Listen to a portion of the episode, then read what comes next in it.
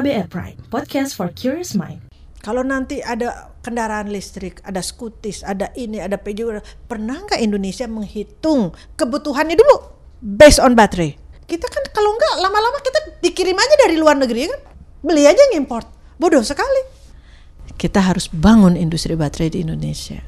Tanpa itu kita tidak akan independen dari energi.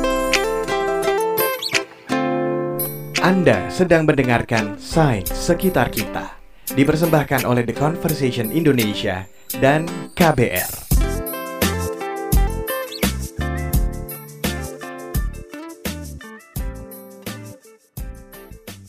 Halo, kita ketemu lagi di Sains Sekitar Kita. Sekarang kita ada di season kedua. Di season kedua ini kita membahas tentang cerita peneliti Indonesia dan berbagai penelitian mereka yang menakjubkan. Seperti biasa juga di setiap episode, saya selalu ditemenin sama Lutfi dari The Conversation Indonesia. Apa kabar Lutfi? Episode kali ini kita mau bahas apa nih? Halo Naomi, gak pakai nanya kabar atau apa, langsung to the point ya kamu ya? Apa kabar gitu Iya dong, karena aku gak sabar banget belajar hal baru hari ini. Tapi aku kabarnya baik kok, tenang aja, thank you. Kamu apa kabarnya? Baik, baik, sehat-sehat. Jadi, uh, menjawab pertanyaanmu ya, di episode hmm. kali ini kita akan membahas tentang tentang apa yuk? Tentang apa ya? Hmm, tentang goreng. itu kentang. sebenarnya nggak usah ketawa. Oke, oke, oke. Tentang apa dulu, Jadi episode kali ini kita akan membahas tentang mimpi seorang ilmuwan nuklir ya wow. untuk mengembangkan industri baterai nasional.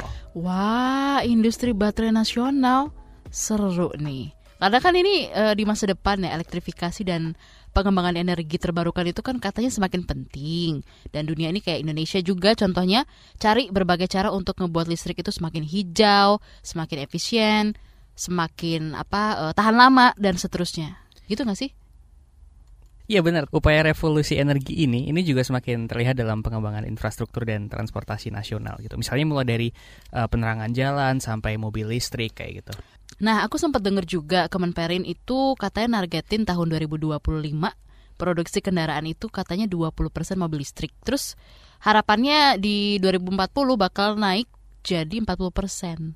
Ambisius juga ya ambisius banget ya benar makanya kan untuk mendukung ini kita selama ini tuh sering ngobrol uh, sering bicara tentang pembangkitan uh, listrik hijau dari tenaga alam kayak gitu kan tapi yang sering dilupakan tapi nggak kalah penting adalah mengembangkan teknologi baterai ya kan bagaimana membuatnya semakin efisien dan canggih karena ini dipakai di banyak banget produk listrik tadi Nah, di episode kali ini kita akan bicara tentang itu, perjuangan mengembangkan industri baterai nasional. But strangely enough ya, cerita kita ini Hmm. Dan ini ceritanya cukup panjang ya. Jadi uh, sabar dulu. Uh, cerita ini nggak bermula dari misalnya suatu studi tentang listrik atau misal uh, kisah seorang pencipta baterai atau apa gitu. Instead, cerita ini dimulai dari mimpi seorang fisikawan nuklir Indonesia yang pada akhirnya mendirikan uh, Institut Riset Baterai Terintegrasi pertama di Indonesia dia adalah Profesor Evi Kartini, seorang peneliti di Pusat Sains dan Teknologi Bahan Maju di Batan atau Badan Tenaga Nuklir Nasional. Nama saya itu Evi Kartini. Evi Kartini ini karena saya dilahirkan ini tidak persis pas hari Kartini tapi jam 2 tanggal 22 April tahun 1965. Jadi orang tua saya ingin ada penerus Kartini ya katanya nama bukan sekedar nama tapi harus ada artinya. Saya sudah bekerja cukup lama di Batan, 30 tahun. Jadi baru ini bulan Agustus saya mendapatkan Satya Lencana Karya Satya 30 tahun dari Presiden Jokowi. Nah, Prof. Evi ini selain salah satu peneliti nuklir paling senior di Batan ya, ternyata beliau ini juga pendiri Institut Riset Baterai Nasional atau NBRI. Uh, kita kan sekarang lagi mau ngebahas tentang industri baterai ya. Aku masih bingung nih korelasi nuklir sama baterai itu apa ya? Nanti aku jelasin ya, semua akan terang benderang pada waktunya ya. Oke. Okay. Tapi uh, gini sedikit tentang Prof Evi dulu. Gimana? Beliau ini kan impiannya itu udah ke arah riset nih sejak kecil. Ya selain orangnya uh, dulu itu beliau sangat-sangat curious banget ya waktu kecil. Orang tuanya itu juga peneliti itu. Dia sering dibawa orang tuanya ketemu berbagai peneliti, termasuk kadang tuh kayak orang-orang uh, ternama kayak misalnya Prof Emil Salim gitu. Nah fast forward sekian tahun, uh, Prof Evi muda ini lulus S1 Fisika di ITB dan melanjutkan karirnya langsung menjadi peneliti fisika nuklir di Batan. walaupun hidupnya banyak dikelilingi peneliti ya, mungkin dulu karir di penelitian itu nggak seprospektif sekarang kali ya. Beliau masih ingat dulu waktu di drop oleh orang tuanya di Batan untuk memulai karirnya pertama kali. Ketika saya selesai S1, S1 dari ITB, itu ketika saya harus memutuskan bekerja, saya ditanya lagi, balik lagi saya ditanya sama orang tua. Jadi orang tua saya jujur aja yang banyak memberikan uh, masukan dan spirit. Gitu. Ayah saya itu bertanya kepada saya, Are you sure you want to be researcher gitu? Tiga kali ayah saya bertanya itu. Ayah dan ibu saya itu sebelum mendrop saya di Batam. Kemudian dia bilang, jadi dia dia akan memberikan sesuatu yang kamu harus pikir dulu dong gitu. Are you sure? Maybe you cannot buy even your gasoline. Itu ayah saya bilang. Jadi saya harus tahu kalau itu menjadi pilihan saya, gaji peneliti itu kecil sekali. Mungkin beli bensin aja kamu nggak bisa gitu. You cannot afford it to buy a gasoline. Kamu udah pikir itu belum gitu? Wah keren ya Menariknya dia ini perempuan, menginspirasi aku banget sih. Walaupun di awalnya uh, kayak dikasih warning gitu, tapi semua tetap digasken gitu sama beliau gitu ya. Kalau menginspirasi berarti habis ini berencana jadi fisikawan nuklir juga Naomi. Uh, mohon maaf nih uh, Mas Lutfi dulu gimana? Oh gitu. gimana gimana? Anyway gimana? anyway, uh, jadi semangatnya beliau ini yang tadi semangat gas terus itu tadi ya, mm -hmm. itu membawanya cukup jauh ya termasuk pada suatu momen penting dalam karir penelitiannya, yakni sewaktu beliau memulai S3 saat memasuki studi PhD-nya di uh, TU Berlin, Technische Universität Berlin. Uh, aku nggak terlalu jago bahasa Jerman. Prof Evi belajar suatu spesialisasi dalam ilmu nuklir yang disebut dengan neutron scattering. Uh, yang pada akhirnya menjadi fondasi dari berbagai riset beliau tentang teknologi baterai. Aku penasaran deh sama awal mula dari semua yang dilakuin sama Profesor Evi ini. Ceritain dong. Jadi kayak yang tadi aku bilang nih, Prof Evi itu kan beliau makin uh, dekat dengan cabang ilmu ini ketika beliau memulai studi PhD-nya di TU Berlin kan. Hmm. Tapi uh, neutron scattering atau penghamburan neutron ini sebenarnya apa sih gitu. Let's start from the basics ya Naomi ya. Hmm. Kalau misalnya fisika nuklir itu kan sebenarnya uh, studi tentang inti atom ya proton, neutron, uh, pemisahan uh, apa namanya inti atomnya, energi yang dihasilkan, aplikasinya seperti apa dan seterusnya. Begini kalau katanya Prof Evi. Prosesnya sama. Fission okay?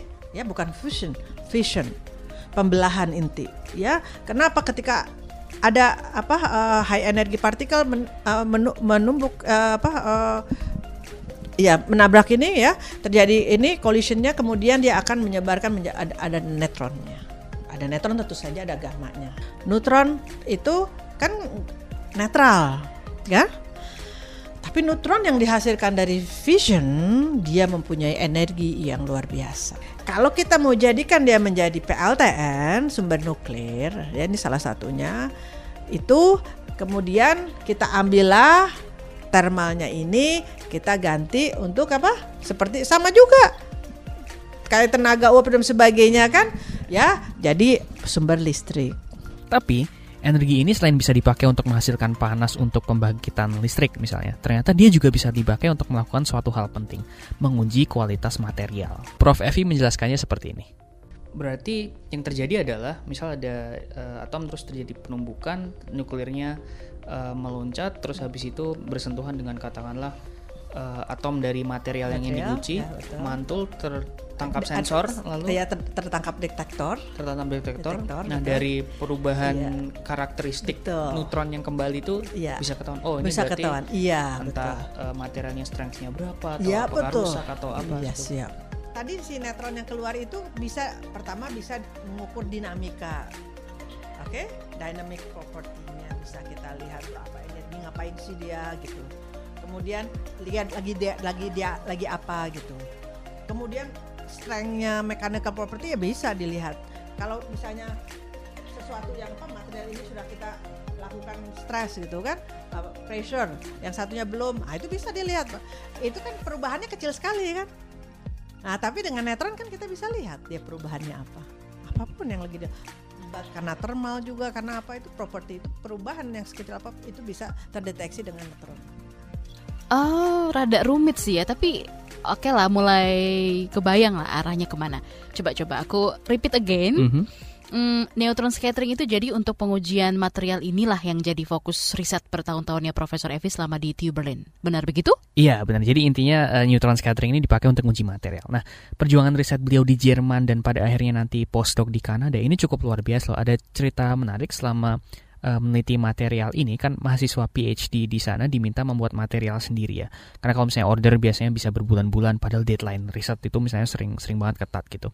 Nah, Prof Evi ini satu-satunya di batch beliau yang bisa bikin material kaca sendiri. Belajar sendiri padahal bukan orang kimia gitu. Jadi waktu itu oleh orang-orang di TU Berlin dan di McMaster University Kanada waktu itu Prof Evi jadi kayak the go-to person gitu untuk urusan uji material kaca. Bahkan ada beberapa mahasiswa PhD dari Jerman yang itu quit PhD-nya karena nggak bisa ngelakuin apa yang dicapai Prof Evi tadi, nggak bisa bikin material pengujian sendirinya. Oh, oke oke. Jadi pengalaman dan ilmu ini tentang neutron scattering, uji material dan seterusnya gitu ya. Itu pada akhirnya dibawa ke Indonesia gitu. Yes, benar banget. Ketika beliau pulang ke Indonesia pun, beliau melanjutkan riset yang dengan McMaster Kanada tadi ya, dan menggunakan teknologi neutron scattering untuk mengembangkan material kaca yang bahkan lebih canggih nih, namanya kaca super ionic. Yang pada akhirnya membuatnya dianugerahi penghargaan RUT Award dari Presiden Megawati sebagai peneliti utama teladan untuk riset ini pada waktu itu.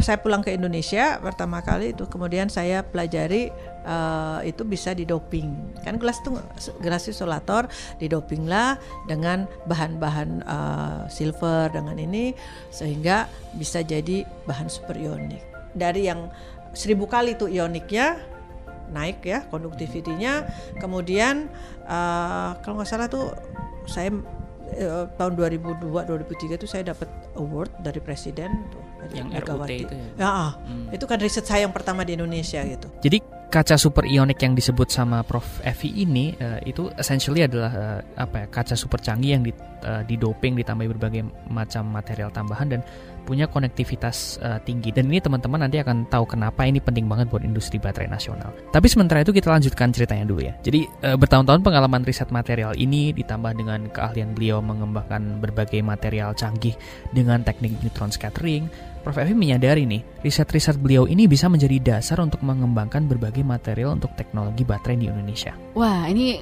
makin lama kayaknya makin complicated gitu ya. Tapi kayaknya udah mau akhir ceritanya gitu ya. Iya, iya. Aku janji sebentar lagi semuanya akan make sense. Semuanya akan eh, terang benderang dan hidupmu akan bahagia setelah ini. Aduh, ternyata Lutfi ini juga ilusionis gitu ya. Bisa gitu. Tapi sebelum kita lanjut lagi, eh, aku mau ngingetin ya, jangan lupa untuk dengerin episode-episode sains sekitar kita sebelum ini, karena memang nggak kalah kerennya juga. Benar banget, Indonesia punya banyak banget peneliti dan hasil penelitian mereka yang cukup luar biasa ya. Kita cukup harus bangga loh. Dong. Tapi sebelum bangga kita break dulu ya. Tetap di sains sekitar kita season kedua. Anda sedang mendengarkan Sains Sekitar Kita season kedua. Dipersembahkan oleh The Conversation Indonesia dan KBR. Kita balik lagi di sains sekitar kita, masih sama Naomi dan Lutfi. Kita lagi ngebahas nih tentang impian dari Profesor Evi Kartini untuk kembangin industri baterai nasional.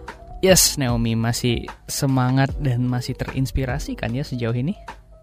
Pastinya dong. Eh, tadi kan kita udah cerita panjang ya tentang perjalanan Profesor Evi menggunakan ilmu nuklir untuk ngembangin eh, berbagai material canggih kayak misalnya material kaca superionik. Tapi kenapa ya material canggih kayak gini tuh penting untuk riset teknologi baterai? Nah ini dia. Untuk menjawab itu kita perlu tahu dulu tentang kondisi baterai lithium ion yang banyak dipakai saat ini pada baterai di berbagai alat eh, elektronik ya di eh, iPhone, di laptop, di eh, baterai pada umumnya, di kamera dan seterusnya. Jadi baterai yang komersial yang ada sekarang itu harus menggunakan cairan. Karena di antara katoda dan anoda itu ada cairan apa harus ada separator supaya tidak short, kemudian ada cairan liquid electrolyte. Kalau nah separatornya itu terbuat dari plastik polimer. Seberapa kemampuan plastik kalau dipanaskan? 70 derajat, 100 derajat, apa yang terjadi? Meleleh. Ngerti nggak tuh maksudnya? Enggak. Hehe. Jadi cara kerja baterai-baterai yang umum ada sekarang yaitu lithium ion battery itu kan sebenarnya dia punya apa semacam dua sisi gitu ya. ada anodanya, ada katodanya, terus habis itu di tengah-tengahnya ada eh, cairan elektrolitnya yang istilahnya kayak nganterin ionnya dari anoda ke katoda dan pergerakan ion ini yang nanti menghasilin eh, listrik gitu kan Mhm. terus di tengah-tengah apa namanya el- elektro- cairan elektrolitnya ini juga ada separatornya supaya apa eh, elektronnya nggak saling nyampur dan nggak nggak saling merusak baterai gitu. Jadi kurang lebih cara kerjanya eh, kayak gitu. Tapi kalau misalnya eh, overheating misalnya baterainya misalnya kayak waktu ngecas iPhone apa namanya pakai quick charger yang nggak beres atau misalnya Oh, power bank gitu ya? Eh, power bank yang nggak beres atau apa Mm-mm. atau naruh di tempat yang super panas itu kan eh, ada komponen-komponen di dalam baterai itu. Misalnya kayak eh, plastik polimernya Mm-mm. yang misalnya bisa meleleh dan rusak akhirnya mengacaukan apa mengacaukan liquid elektrolit mengganggu bolak-baliknya ion dan lain-lain kayak gitu. Nah, ini bisa eh, ngerusak cara kerja baterainya gitu. Jadi eh, solusinya itu adalah menggantikan komponen-komponen yang rawan itu kayak misalnya plastik polimer tadi dengan bahan lain yang punya daya hantar yang lebih tinggi gitu, konduktivitas yang lebih tinggi. Nangkep sis?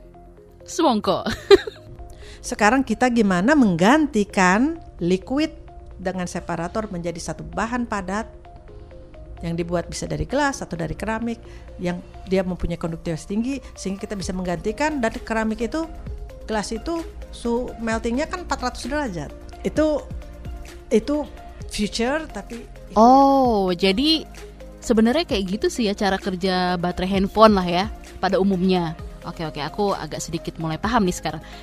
Itu dia kali ya kenapa riset soal advanced material semacam super ionic glass tadi sangat penting juga untuk ngatasin problem dari baterai lithium yang memang ada sekarang. Iya nggak sih? Iya, benar banget. Tapi eh, material-material apa eh, penghantar yang solid tadi kan liquid ya kalau di lithium ion itu. Hmm. Eh, material-material solid yang canggih kayak gini itu di dunia ini juga masih dalam tahap eh, riset dan masih belum masuk mass production. Variasinya pun banyak ya. Misalnya peneliti di Tokyo eh, mengembangkan material konduktor solid yang berbasis sulfur misalnya kayak gitu. Yang jelas material solid canggih kayak kaca super ionic eh, dan apa eh, solid state yang berbasis sulfur tadi eh, itu akan punya peran penting di beberapa dekade mendatang gitu. But eh, here's the catch. Eh, masalahnya gini apa uh, these advanced uh, solid materials ya itu untuk ngembangin baterai lithium itu susah untuk diuji pakai teknik uji material konvensional gitu. Dan butuh teknologi nuklir seperti teknik uh, neutron scattering tadi misalnya. kehidupan sehari-hari mereka pakai gadget anak-anak paling kayak saya bilang you mau nggak bikin ini apa? Bikin apa eh, eh, HP baterai HP mau belajar ke sini kan? Udah gitu saya bilang materialnya di, ada litiumnya kan? Litium itu tidak bisa dilihat sama apa pun kecuali dengan neutron teknik nuklir So, here's what you wanted to do next. Membangun sebuah uh, fasilitas atau laboratorium sains yang mengembangkan hal ini mulai dari riset, pengujian nuklir hingga desain produk dan melibatkan banyak aktor dari lintas sektor atau dalam kata lain suatu integrated research center. ketika saya bilang teknik nuklir neutron adanya dari mana dari reaktor makanya saya sebut itu integrated nuclear laboratory Wow, dahsyat banget sih.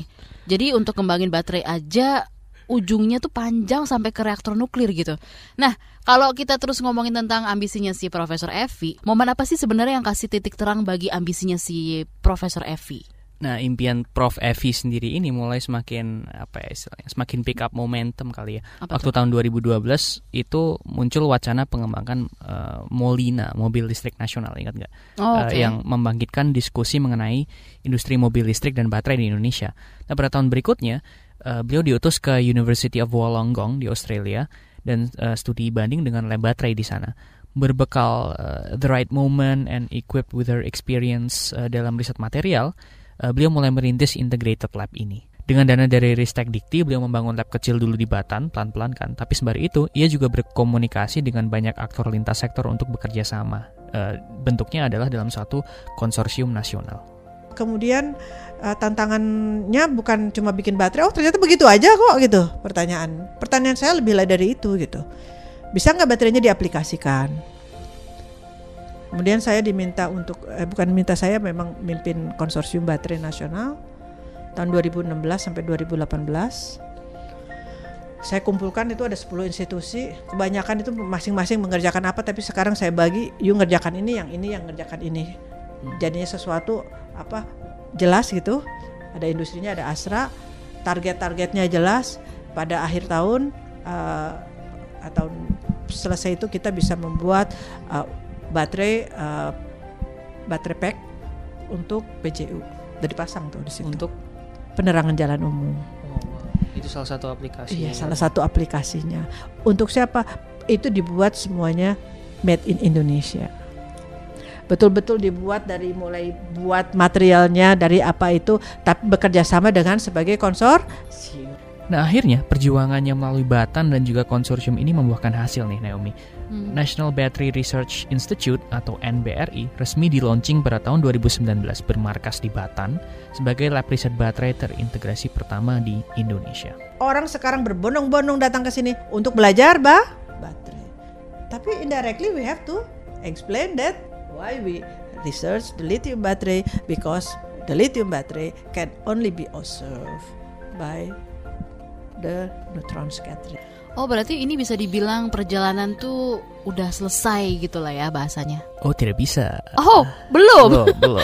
Oke Gini, gimana gini. lagi? Disclaimer dulu ya Naomi ya. Mhm. Eh, Perjalanannya masih cukup jauh nih. NBRI sendiri cukup revolusioner untuk Indonesia. Tapi tapi berbagai reaktor dan teknologi neutron scatteringnya memang masih belum secanggih dan seakurat berbagai fasilitas besar yang memang dari awal udah didedikasikan sepenuhnya untuk neutron scattering tingkat tinggi.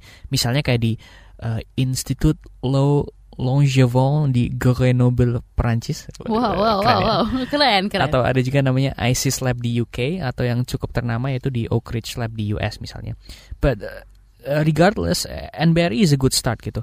Bahkan kalau kita lihat di web mereka, aktivitas risetnya itu cukup exciting. Riset mereka cukup banyak menggunakan uh, teknologi uh, apa nuclear teknologi untuk meneliti berbagai material dan komponen teknologi baterai yang canggih gitu. Misalnya mulai dari solid state batteries, graphene dan berbagai agenda riset untuk mobil listrik. Kemudian saya tanya lagi. Kita bicara elektrifikasi, bicara ini FGD sana sini. Sekarang saya tanya, berapa kebutuhan elektrifikasi di Indonesia berbasiskan baterai? Kalau nanti ada kendaraan listrik, ada skutis, ada ini, ada PJU, pernah nggak Indonesia menghitung kebutuhannya dulu based on baterai? Di mana saya bisa mencari data itu? Saya tanya. Bagaimana kita membangun industri baterai lithium kalau kita sendiri nggak tahu kita- yang gunanya di mana? Atau tidak? Industri siapakah yang menggunakan? Industri siapa yang buat? Kita kan kalau nggak lama-lama kita dikirim aja dari luar negeri kan? Beli aja yang import. Bodoh sekali. Kita harus bangun industri baterai di Indonesia. Tanpa itu kita tidak akan independen dari energi. Wow keren ini independen dari energi. Jadi perjalanan kita tuh nggak cuma cari si energi ini tapi juga gimana nyimpannya gitu ya. Betul banget Naomi, kita butuh lebih banyak lagi orang seperti Prof. Evi gitu ya, nggak cuma di bidang baterai tapi juga di bidang yang lainnya. Karena kan eh, semua kemajuan sains yang keren-keren itu dimulai dari mimpi yang kecil ya. Wah luar biasa banget deh Sekali lagi luar biasa banget Semangat banget nih episode kali ini ya Eh tapi kita masih ada gak sih beberapa peneliti lagi Yang bakal dibahas untuk next episode Oh jelas masih banyak peneliti yang keren-keren beserta hasil riset mereka yang akan kita bahas di beberapa episode mendatang. Yang jelas teman-teman di rumah harus tetap stay tune. Wow, aku gak pernah sabar nih nungguin episode-episode baru dari sains sekitar kita Karena memang obrolan-obrolan menarik dan juga berisi Dengan peneliti-peneliti Indonesia dan juga hasil penelitiannya itu memang benar-benar mencengangkan gitu Ya kamu juga harus pantengin nih guys ya. Nambah wawasan banget ini bener-bener. Nah tapi kalau ada saran, masukan, gak usah ragu. Langsung kirim aja lewat email ke podcast at kbrprime.id Saya Naomi, Dan saya Lutfi, undur diri. Bye-bye. Bye.